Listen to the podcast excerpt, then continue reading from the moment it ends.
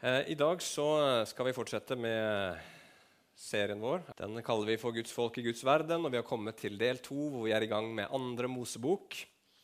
Og eh, Før vi skal lese dagens tekst i dag, så hadde jeg lyst til å gi et lite overblikk. Bare en kjapp repetisjon og så et lite overblikk over de neste kapitlene fra der vi slapp sist gang. Vi skal gjennom hele andre Mosebok før sommeren, er planen, og da kan vi ikke ta alt i detalj, selv om det hadde vært veldig gøy med en del eh, partier å snakke om de, så må vi på en måte prøve å ta litt det store bildet og de store linjene, og så skal vi stoppe opp ved noen veldig viktige punkter underveis. Eh, så Vi husker jo fra sist gang at Israelsfolket er i Egypt. Det begynner bra, men de får problemer fordi at uh, farao, som er kongen i Egypt, han kjente ikke Josef, denne nye farao. Og de blir tvunget til å bli slaver, og det begynner også et systematisk folkemord på guttebarna deres. Og det er hardt, det er vanskelig for Israelsfolket, og Gud ser til dem i deres nød. Og han eh, forbereder en redningsmann for dem.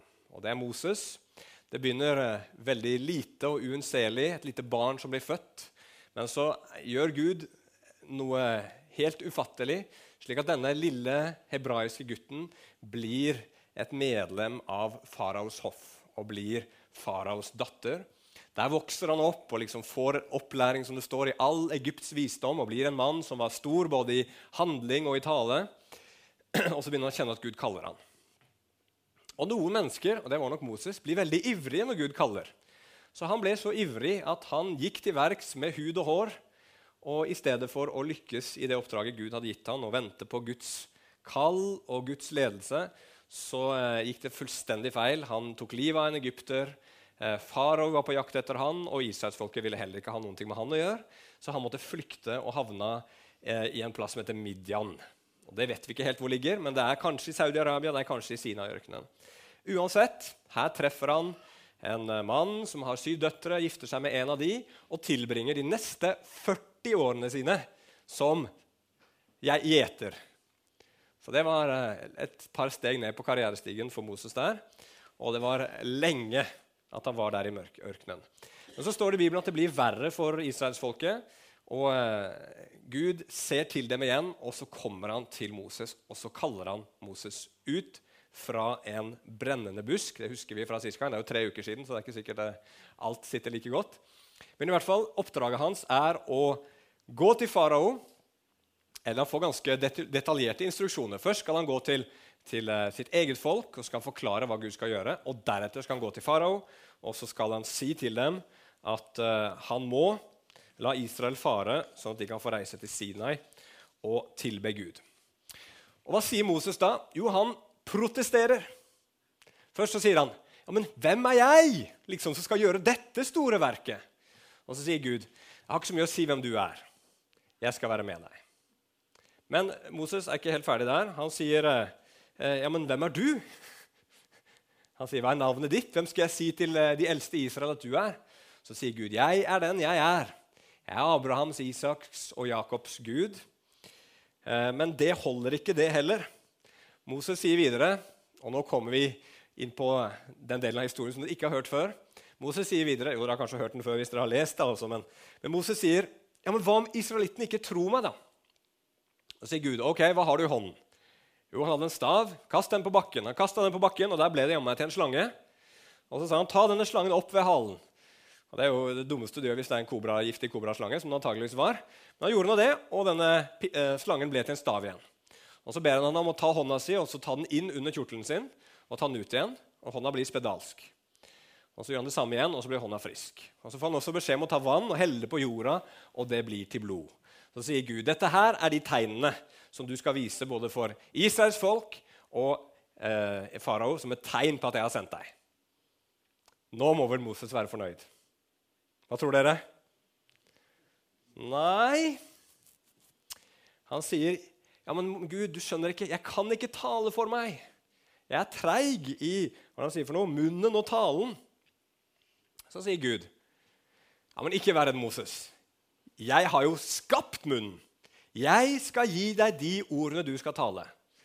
Og da må vel Moses være fornøyd. Men nei da, Moses han sier, 'Gud, send noen andre!' Og Da står det da blir Gud sint. står det. Så sier han, Aron, storebroren din, kan ikke han snakke for seg? Han skal bli med deg, han skal være talerøret ditt. Og så må du gå. Og til slutt så går Moses til Egypt. Og den turen der den er jo eh, litt spesiell. Det er en veldig spesiell hendelse der med noe omskjærelse og noe greier som jeg dessverre ikke får sagt noen ting om. Eh, du får lese din egen bibel. Men han når fram til Egypt, når fram til de eldste der, og så forteller han dem Gud har møtt meg, og han har sagt at han skal fri dere ut fra dette slaveriet. Han har sett dere i deres nød og deres møye, og dere skal få komme ut av slaveriet i Egypt. Og hva skjer? Jo, folket blir glade. Det står at de, de, gledet seg, og de var så glade for at Gud hadde sett til dem i deres nød, og de tilba Gud. Så langt, så godt. Dette her ser ut som om Gud er med hele veien. Og så går Moses til farao. Så sier han til farao akkurat det Gud har sagt han skulle si. Så sier Herren, la mitt folk fare, så de kan reise tre dagsreiser ut i ørkenen og tilbe meg. Og hva sier farao da? Jo, han sier, 'Hvem er Herren?' Og så sender han Moses vekk. Men ikke nok med det. Han blir litt irritert. Han tenker, hm, dette israelsfolket som liksom eh, jobber for meg, de må jo ha utrolig lite å gjøre. De har ikke nok å gjøre hvis de driver her og sitter og tenker på frihet og tilbe Gud. De trenger mer. De er late. Og dermed så gjør han det vanskeligere for dem. For De hadde nemlig som eh, jobb annet å lage murstein for eh, alle disse byggeprosjektene til farao. Og det er tydelig at Murstein på den tiden det hadde flere ingredienser. En av dem var jo så klart leire, men også halm ble brukt sikkert som en sånn slags armering da, av disse mursteinene. Og Da sier farao til, eh, til israelsfolket nå skal dere lage like mange mursteiner som før, men dere får ingen halm av meg. Den må dere skaffe sjøl. Du trenger ikke å ha mastergrad i bedriftsøkonomi for å skjønne at det nok ikke var så enkelt. Og Dermed så kom de eh, ikke opp til dagens kvote, og de ble slått og de ble plagt og de ble pint enda mer. Og de roper til farao dette går ikke, vi klarer det ikke. Men farao sier bare dere er late. Så dere skal, har vær så god å gjøre det jeg sier. Og da blir israelsfolket ganske mismodige, og de blir ganske sinte. Er det farao de blir sinte på? Tror dere? Nei, de blir sinte på Moses. Hvorfor kom du her og sa alt dette her og fikk forhåpningene våre opp? Det blir jo bare verre. Og så blir stakkars Moses mismodig, han også. Og det er der vi skal begynne i dag på dagens tekst. Så har du med deg Bibelen, så kan du slå opp i andre Mosebok. Og Så begynner vi helt i slutten av kapittel 5. Og så skal vi lese fra vers 22, og så leser vi helt fram til kapittel 6 og vers 9 i Jesu navn. Som dere ser, så kommer det også opp på skjermen her. Der står det. Så vendte Moses seg igjen til Herren og sa, Herre, hvorfor har du ført noe så ondt over dette folket? Hvorfor har du sendt meg? For helt fra jeg kom til farao for å tale i ditt navn, har han bare ført ondt over dette folket. Og du har slett ikke fridd folket ditt ut. Da sa Herren til Moses.: Nå skal du se hva jeg skal gjøre med farao. For ved en mektig hånd skal han la dem fare, og ved en mektig hånd skal han drive dem ut av landet sitt. Gud talte til Moses og sa til ham, Jeg er Herren. Jeg viste meg for Abraham, for Isak og for Jakob som Gud den allmektige. Men ved mitt navn, Herren, gjorde jeg meg ikke kjent for dem. Jeg har også opprettet min pakt med dem for å gi dem Kanans land, landet der de vandret og levde som utlendinger.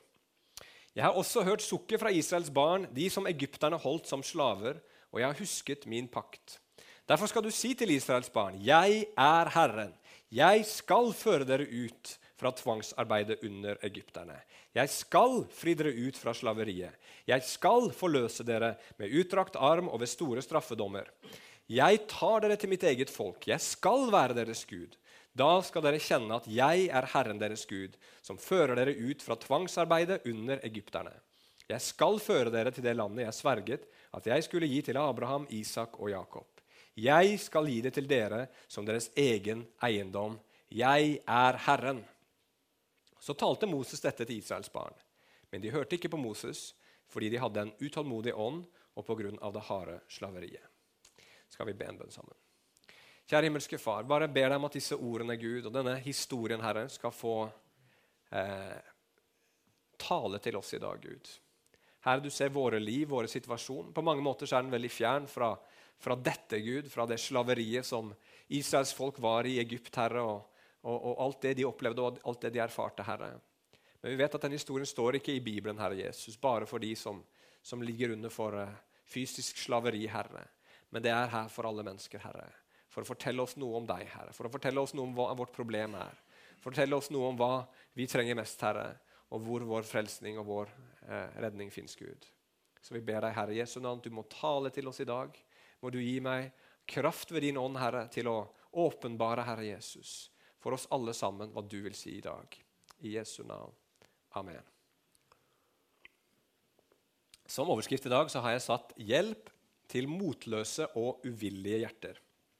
Og Jeg har tre punkter. og Det første er Guds plan involvere mennesker. Det andre er Guds plan involvere lidelse. Og det siste er Guds plan involvere Gud. Så Vi begynner med nummer én. Guds plan involverer mennesker. Historien om eh, israelsfolket i Egypt, om det slaveriet de opplever, det er et bilde på alle menneskers situasjon. Fordi alle mennesker, ifølge Bibelen, er under slaveri. Er slaver av krefter. Onde krefter som er for sterke for dem selv. Og Bibelen snakker om at det er synd, Bibelen snakker om djevelen, og Bibelen snakker om noe vi alle sammen kjenner og alle sammen anerkjenner, nemlig døden. Og Det at vi ligger under for det slaveriet, det syns i våre liv på forskjellige måter. Og Det har med alt fra at vi gjør ting Alle mennesker gjør ting de vet de ikke burde. Alle mennesker blir frista, faller, igjen og igjen. Vi mennesker har en tendens til å bli avhengige av ting i denne verden her. Vi elsker ting som ikke er godt for oss. Eh, vi søker mening, men finner bare tomhet. Vi kjenner på skyld, skyld og skam. Vi mennesker sliter med sykdom, vi sliter med psykiske problemer. Eh, vi er, forteller Bibelen, åndelig døde.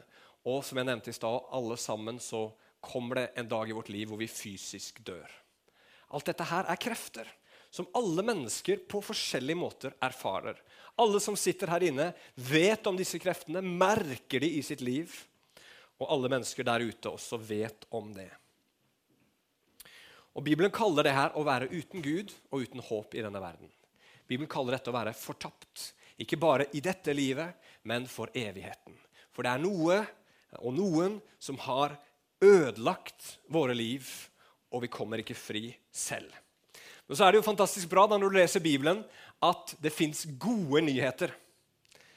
Og det er Gud som sier til mennesker Han sier til deg Han sier, 'Jeg ser deg i din nød'.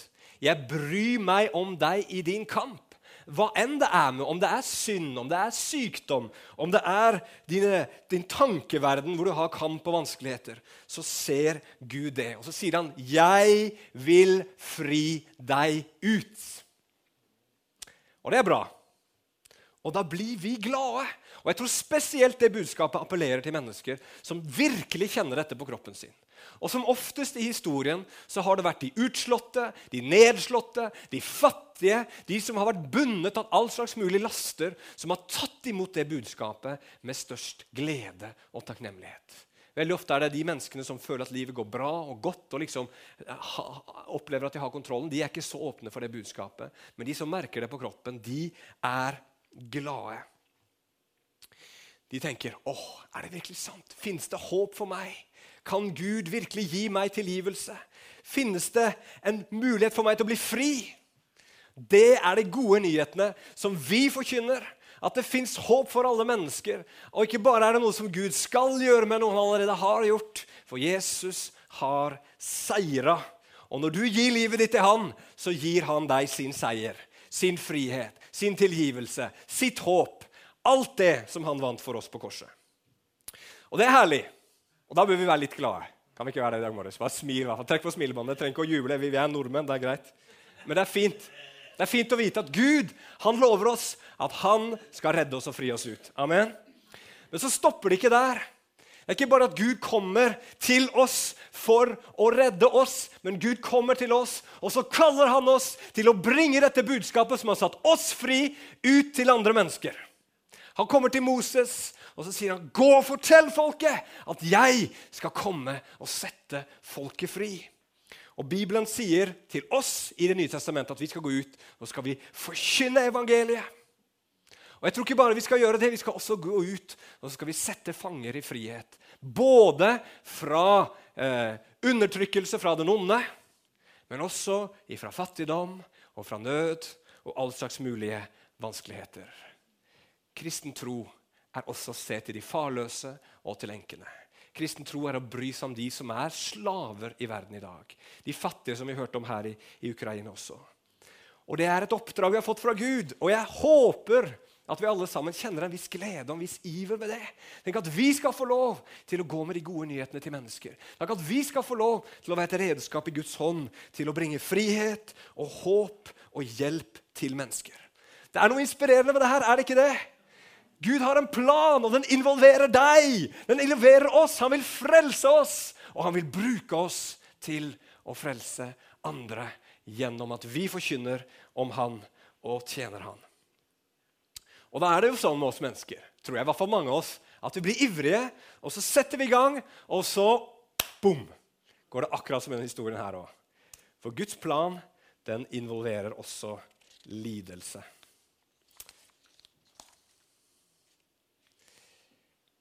Dere vet Det er en historie i Det nye testamentet hvor Jesus forteller om dette såkornet som ble sådd i jorda. ikke sant?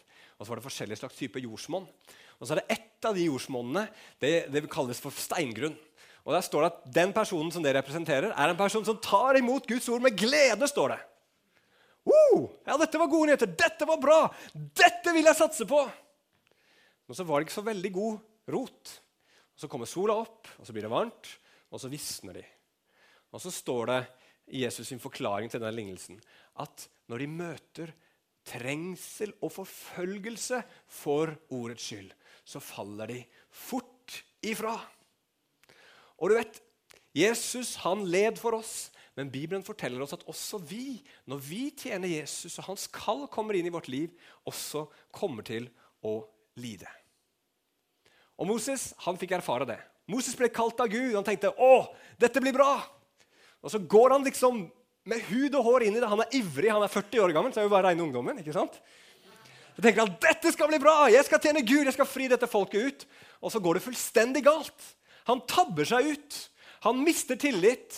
Han må flykte, og det går skikkelig, skikkelig dårlig. Og nå kommer Gud en gang til. Ikke sant? Og Hvis du først har tabba deg ut, hvis du først har opplevd at det her gikk ikke så bra, og Gud kommer og sier, 'Nå kaller jeg deg til å tjene meg. Du skal bringe folket ut av Egypt.' Så kan man kanskje forstå at Moses var litt skeptisk og egentlig ganske uvillig. For nå skjønner han plutselig hva han går til. ikke sant? Altså, Kjempelett når du er ung kristen og liksom Gud sier eh, Gud sier til deg ja, du skal få tjene meg. Og, tenker bare, og Da tenker vi bare på gull og grønne skoger. ikke sant? Alt kommer til å bli herlig og bra og supert. og det blir jo helt topp. Det er jo sånn alle ungdommer tenker og jeg er sånn 19-20 år gammel, ser jo ikke for oss at liksom, livet skal bli fullt av vanskeligheter og problemer. Nei, Vi ser for at alt kommer til å gå bra. I hvert fall gjorde jeg det, og mange, mange, mange fra min generasjon gjør det. ikke sant? Men nå skjønner Moses hva han går til. ikke sant? Han vet at her ligger det nok opp til at jeg kommer til å begå noen tabber til. Og jeg kommer antageligvis til å bli kritisert igjen.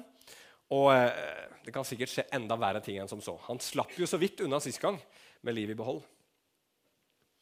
Så hvis du bestemmer deg for at du vil gjøre noe for Gud, og det syns jeg du bør, så må du være klar over det, at det vil følge med eller det er en veldig, veldig, veldig stor risiko for at du får diverse problemer. Du kommer garantert til å tabbe deg ut.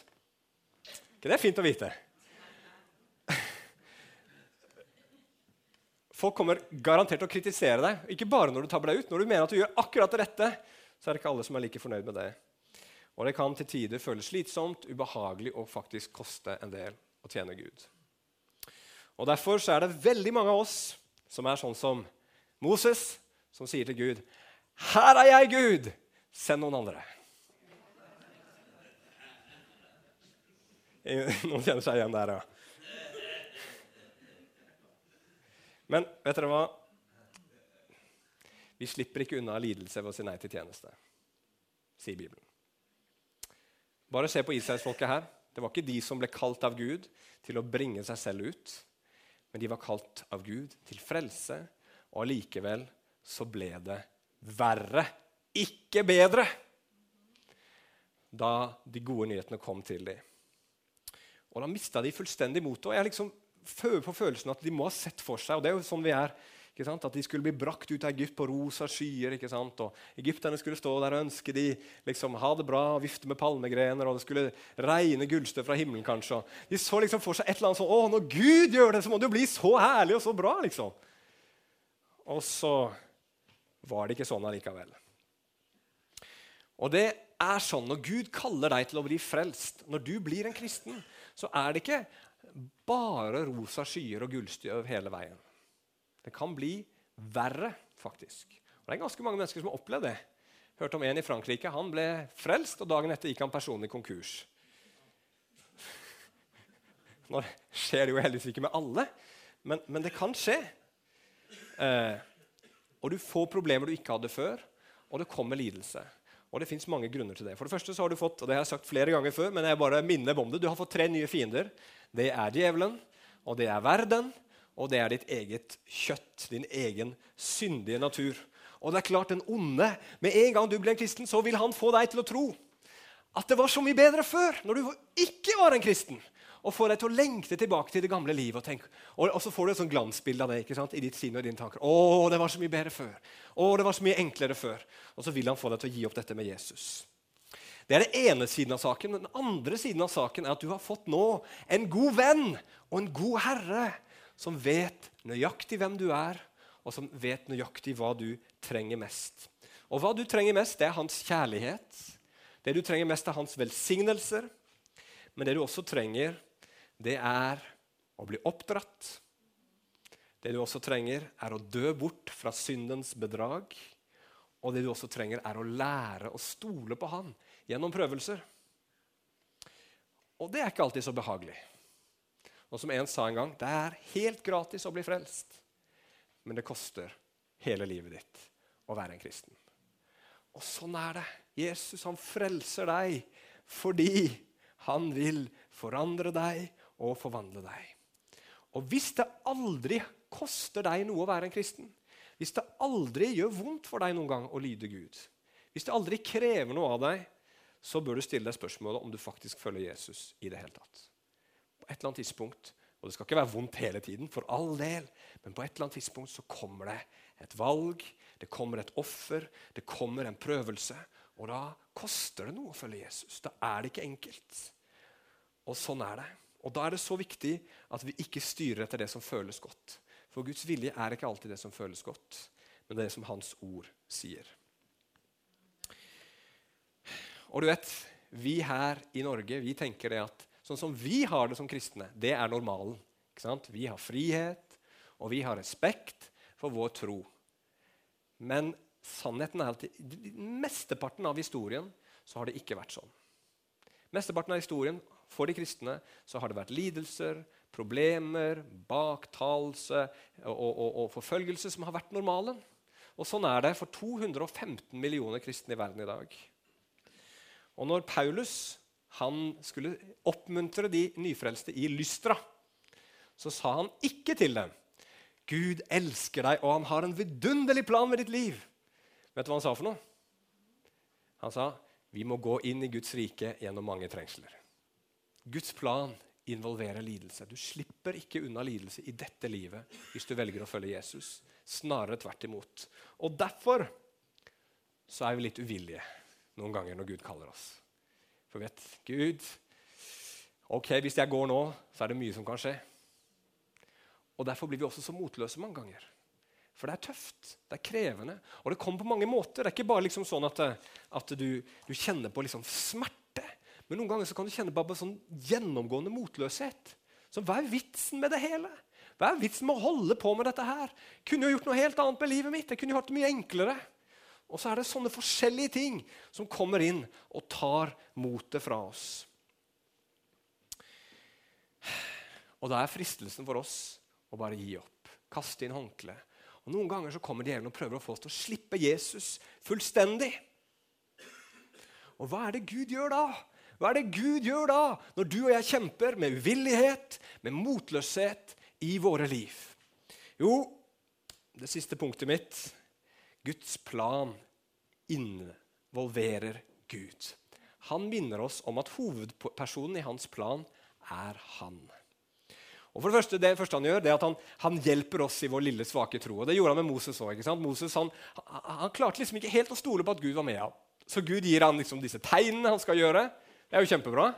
Og Gud sier 'storebroren din skal bli med og hjelpe deg'. Så da går det sikkert fint. Og sånn gjør noe Gud noen ganger. Det er så fint med Gud. I vår liksom lille, svake tro så kan han gi oss noen sånne hint, noen sånne hjelpemidler som bare får oss i gang. Er ikke det bra? Jeg vet ikke om du har merka det noen ganger. Jeg erfarte det når jeg skulle reise ut som misjonær. Da, da måtte jeg ta et stort trossteg i livet mitt. Jeg hadde jo alltid levd hjemme hos mamma og pappa nærmest. Og, og bortsett fra det året jeg hadde ja, ja, okay, jeg hadde vært et år i militæret. Men da var det staten som tok seg av meg. Og, eh, og så hadde jeg vært et år på bibelskole. Men nå skal jeg liksom ut i den store verden, og jeg skulle leve eh, av gaver. Jeg måtte sørge for at folk støtta meg for at jeg kunne reise ut som misjonær. Og det var et enormt steg for meg. Jeg kjente jo ikke så mange som kunne støtte meg, og i tillegg så var jeg nokså sjenert og, og, og, forsiktig. ikke sant? Og så skal jeg ut da og leve i tro. Og så tenkte jeg, Hvor i all verden skal det her gå til? Og Jeg ringte til noen venner, og jeg liksom, klarte ikke å, skrape sammen mer enn en tredjedel av det jeg trengte. og liksom, åh, dette her går ikke. Gud, liksom. Og jeg så ikke helt hvordan det skulle gå til. Men så minte Gud meg på at jeg hadde jo tross alt et studielån stående og noen penger stående igjen som jeg hadde spart opp fra det året på bibelskolen. Så sa Gud du kan leve på det en stund. Nå skal jeg sørge for deg underveis. Og det fridde meg. Så tenkte jeg, ok Gud, Da var det lettere for meg å tro enn liksom å gå rett ut der og da. Og, og, og dermed så ga Gud meg en liten hjelp, en liten troshjelp, sånn at jeg kunne ta noen steg. Og Gud var trofast og sørga for meg i, i sju år på misjonsmarken etterpå det. Uten at jeg tjente noen penger ved vanlig arbeid. Eh, og det er bra. Vi trenger litt sånn hjelp, men samtidig så ser vi, ikke, ser vi at det, det, det holder ikke. Eh, alle disse tegnene som Gud hadde gitt til, eh, til Moses, som Israelsfolket hadde sett, og, og, Aron som var med Moses, og allikevel så begynte det å røyne på. Folket var mismodige, og du ser også at Moses er skikkelig langt nede. Så Gud, du sa jeg skulle gå her og føre dette folket ut, og se da, det blir jo bare verre, og alt er kaos, og ingen liker meg. Gud, hvordan kan du gjøre sånt? Omtrent det Moses sa. Ikke sant? Og hva gjør Gud da? Og det er hovedpoenget mitt nå i, i den talen. Hva gjør Gud da? Da kan vi få en trommevirvel. Hva gjør Gud da? Når vi er mismodige og uvillige, hva gjør Gud da for å hjelpe oss? Jo, han gjentar seg selv. Det var kanskje et antiklimaks. Men kjære venner, det er Guds svar på vår uvillighet og vår eh, vår motløshet. Han lot ikke regne halm ned fra himmelen for israelsfolket. Han gjorde ikke sånn at alle liksom, egypternes staver og pisker bare gikk opp i flammer og brakk og knakk. Nei, han gjentar seg sjøl. Og så sier han Han holder en preken. Han sier, 'Jeg er fedrenes Gud', sier han. 'Husk på hvor trofast jeg var mot de.' Ok. Så minner han om sitt navn. 'Jeg er Herren'.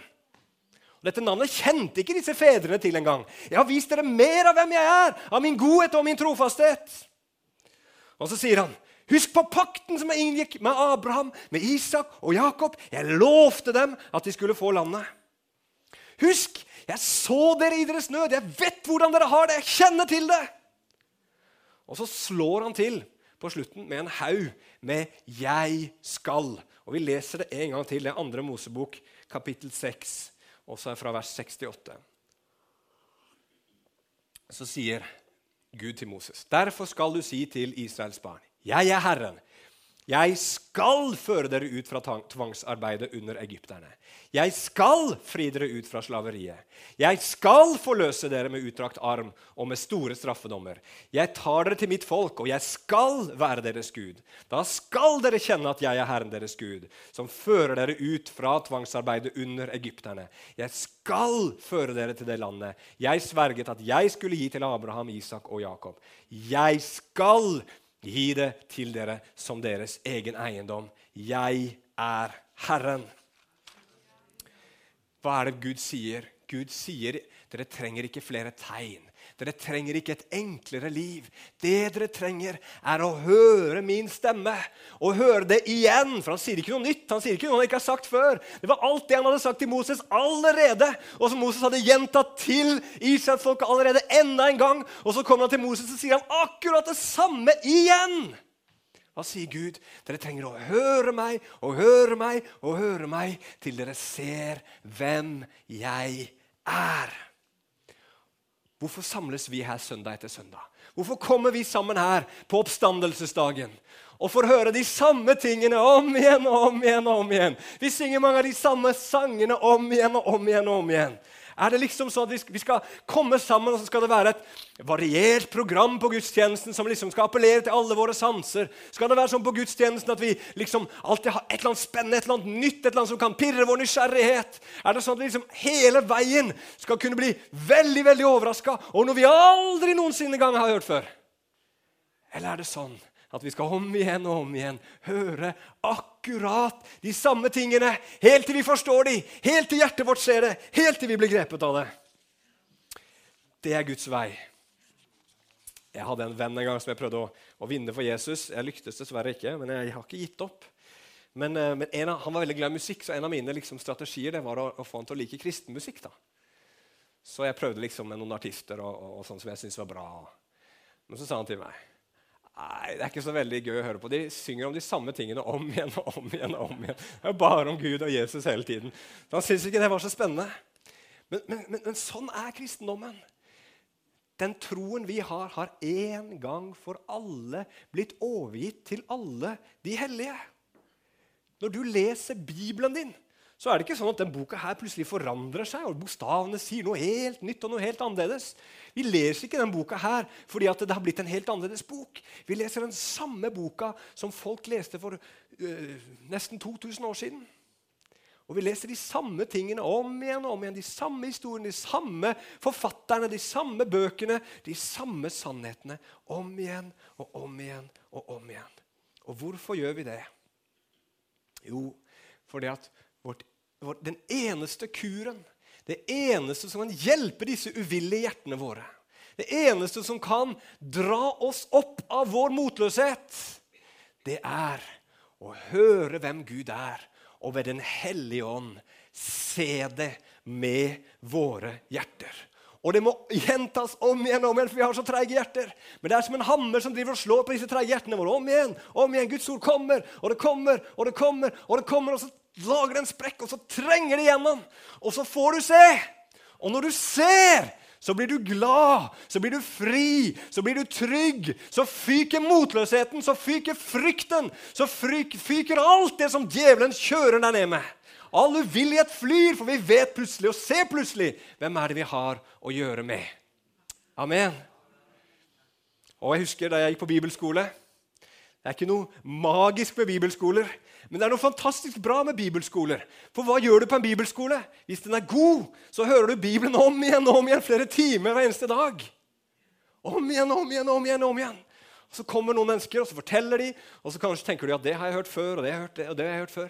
Men jeg husker når jeg satt på bibelskolen, så Jeg kan ikke huske hvem det var som talte, jeg kan ikke huske hva personen talte om, men jeg bare husker at jeg satt der og mens den personen talte, så var det bare en sannhet som traff mitt hjerte. Og det var at i Bibelen så forteller Gud meg hvem han er. Og alle tenker ja, men det er jo klart. Og Jeg visste det sikkert med hodet mitt og hadde sikkert tenkt på det og, og hatt den tanken og kjent til det mange ganger. Men i det øyeblikket der så traff det hjertet mitt. Og da skjedde det en forandring. Jeg hadde ikke vært spesielt glad i å lese den boka før det. Dette her var en tung bok for meg. En bok som jeg visste jeg burde ha lest, men som jeg veldig sjelden leste. Og når jeg leste den, så gjorde jeg det på kvelden når jeg sovna halvveis inn i første kapittelet. Men da så jeg det. Jeg kan bli kjent med Gud gjennom den boka her. Plutselig så skjønner jeg hvem han er når jeg leser den boka her. Og jeg ble en ivrig bibelleser. Og sånn er Guds ord. Sånn er Guds ord. Men så står det helt til slutt om disse her, og nå skal vi gå til avslutning, altså. Så står det om disse her folka i, eh, som Moses talte til, i vers 9, kapittel 6. Så talte Moses dette til Israels barn. Så står det, Men de hørte ikke på Moses fordi de hadde en utålmodig ånd, og på grunn av det harde slaveriet. Jeg tenkte jeg skulle bare si to ting om det til slutt. For det første Vokt deg. Pass på deg sjøl at ikke du sjøl har en utålmodig ånd som gjør at du ikke lytter. For israelsfolket så så var det lidelsen som sto i veien. For oss så er det nok mer nytelsene som hindrer oss fra å lytte til Gud. Pass på at du leser Bibelen, at du kommer til de anledninger det er å få høre Guds ord. At du stadig vekk, som Mark Wooten sa her i august, at du stadig vekk forkynner evangeliet til deg selv. Hvor er det jeg kommer fra? Hva var det Jesus gjorde for meg? Hva var det det kosta han å frelse meg? Og hva er det han har gitt meg? Og Det har vært en så rikdom i mitt liv når jeg har blitt motløs. Å forkynne til meg selv Magnus, når Gud er for deg, hvordan? Hvem kan da være imot deg? Han som ikke sparte sin egen sønn, men ga ham for oss alle. Hvordan kunne han annet enn å gi deg alle ting med han? I alt dette skal du mer enn vinne seier ved Han som elsket deg. Han som bor i deg, er større enn han som bor i verden. Alt det som er født av Gud, seirer over verden. Og dette er den seier som seirer over verden. Vår tro. Og så kan jeg masse sånne bibelvers som sitter på innsiden av meg. Og så forkynner jeg evangeliet til meg sjøl. Og de tunge tankene letter. Det trykket som ofte kan komme fra den onde over mitt liv, det forsvinner. Og så ser jeg, og så blir jeg løfta opp. Og så ser jeg hvem Gud er, og får stadig glimt av Han. Og dere hva? Hvis vi ikke gjør det, hvis ikke vi stadig vekk hører, hvis ikke vi stadig vekk blir minnet på dette, så er det nesten uunngåelig at våre hjerter sakte, men sikkert drifter og driver bort ifra Gud. Fordi at vårt hjerte trenger et eller annet som kan gripe det. Vårt hjerte trenger skjønnhet. Vårt hjerte trenger herlighet. Vårt hjerte trenger å skue Gud gjennom å høre Hans ord og ved Hans ånd. Men når vi ikke gjør det, så er det andre ting som griper oss. Og så er det andre ting som tar vår oppmerksomhet. Og så sklir vi sakte, men sikkert bort fra Gud. Problemet er det her at for å se Gud, for å høre Hans ord, så krever det tid. Vi vil gjerne ha ting raskt. Vi vil gjerne ha ting effektivt. Vi vil gjerne ha ting så enkelt som mulig. Men det fins ingen app for å møte Jesus. Det fins ingen snarvei det krever tålmodighet. Det krever at du setter deg ned med Bibelen din på kvelden når du ikke kjenner spesielt for deg, Og du begynner å lese og tenker ah, ok, her er vi igjen. Ja, den historien, ja. Den har jeg hørt før. Men så ber du til Gud. Gud, ta alt i mitt hjerte nå. Og så, du, så roer du deg ned på innsiden, og så leser du. Og så taler Gud til deg. Og Det er ikke alle ganger jeg setter meg ned med Bibelen og kjenner at, at, at det liksom, jeg ser Gud. Men det skjer. Det skjer stadig vekk. Og det skal skje når vi kommer sammen. Vi trenger det hele veien. Så hva er vokt, hva altså vokte oss for en utålmodig ånd?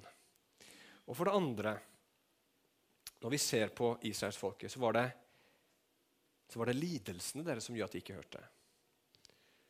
Og jeg tror vårt, vår jobb som kristne også er å hjelpe de som lider. For noen mennesker så kan lidelsen faktisk være så stor og så voldsom at de ikke klarer å ta inn over seg en gang det budskapet de hører. Og Det var nok litt problemet her for, eh, for eh, Israelsfolket. Og Frelsesarmeen de så det. Så de sa alltid 'suppe og frelse'. Og Jeg tror William Booth sa noe sånt som at eh, du kan ikke forkynne evangeliet til en tom mage. Så De visste det at de måtte komme til folk som var i lidelser. og Det trenger ikke nødvendigvis være sånne type fysiske lidelser, men mennesker som hadde det virkelig vondt. Og så kom de med lindring. Og så forkynte de evangeliet til dem. Og jeg tror Det er så viktig at vi som er evangeliske kristne, som på en måte ikke har gått i den grøfta som veldig mange har gjort nå, hvor vi liksom bare kommer med humanitært arbeid hele veien Det er feil. Det er ikke vårt oppdrag. Men vi skal sannelig komme med humanitært arbeid. Fordi at uten det så kan ikke alltid evangeliet nå inn i menneskers hjerter. Det er ikke en erstatning for evangeliet å drive med humanitært arbeid, men det er for at evangeliet skal bli hørt enda bedre. At vi kristne også bør drive med det. Vi som er evangeliske kristne. Vi må ikke ta lett på det. det. Det, viktigste for mennesker er at de blir frelst og får sitt navn skrevet i livets bok. Men det er også viktig at vi som jeg sa her i stad, ser til enker og farløse. I deres nød, står det. Og veldig ofte så kan det være det som åpner hjertet deres. Så de faktisk for første gang i sitt liv kan få et håp om at det fins noe godt i denne verden. Det fins et håp for meg. Det fins en framtid. Så kjære venner, vi har en frelse. Vi har et budskap som er mye større enn det Moses fikk lov til å fortelle til israelsfolket. Han skulle fortelle om hva Gud skulle gjøre. Vi kan både få høre og fortelle om hva Gud allerede har gjort. Og det står her at de skulle få kjenne at jeg er Herren. Og det er det altså vi får lov til å bringe ut til mennesker. Og jeg har en veldig tro på det, at Når vi forkynner evangeliet for mennesker, så skal de ikke bare få høre, men de skal få kjenne og smake og se at Herren er god. Så la oss være frimodige. La oss se på hvilken Gud vi tjener. La oss ikke, la, ikke, la oss ikke være uvillige. La oss lyde Han. La oss gå når det koster noe, når det krever oss noe.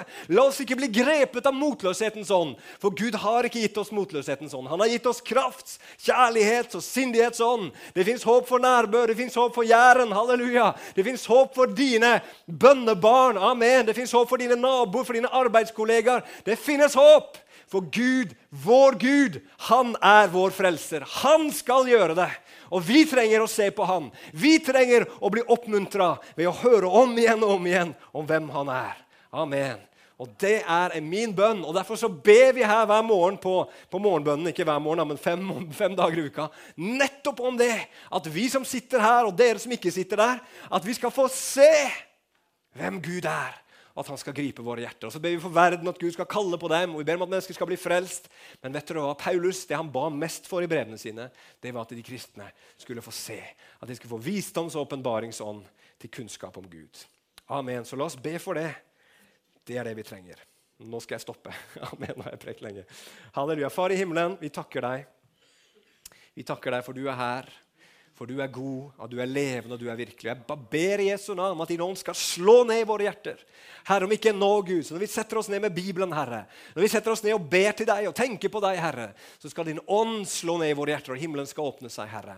Og vi skal se hvem du er. Og vi trenger å se det igjen, Herre, og igjen og igjen. Så Herre, vi ber deg, Hellige Ånd, la oss få hjertets åpnede øyne, så vi kan lære deg å kjenne. Amen.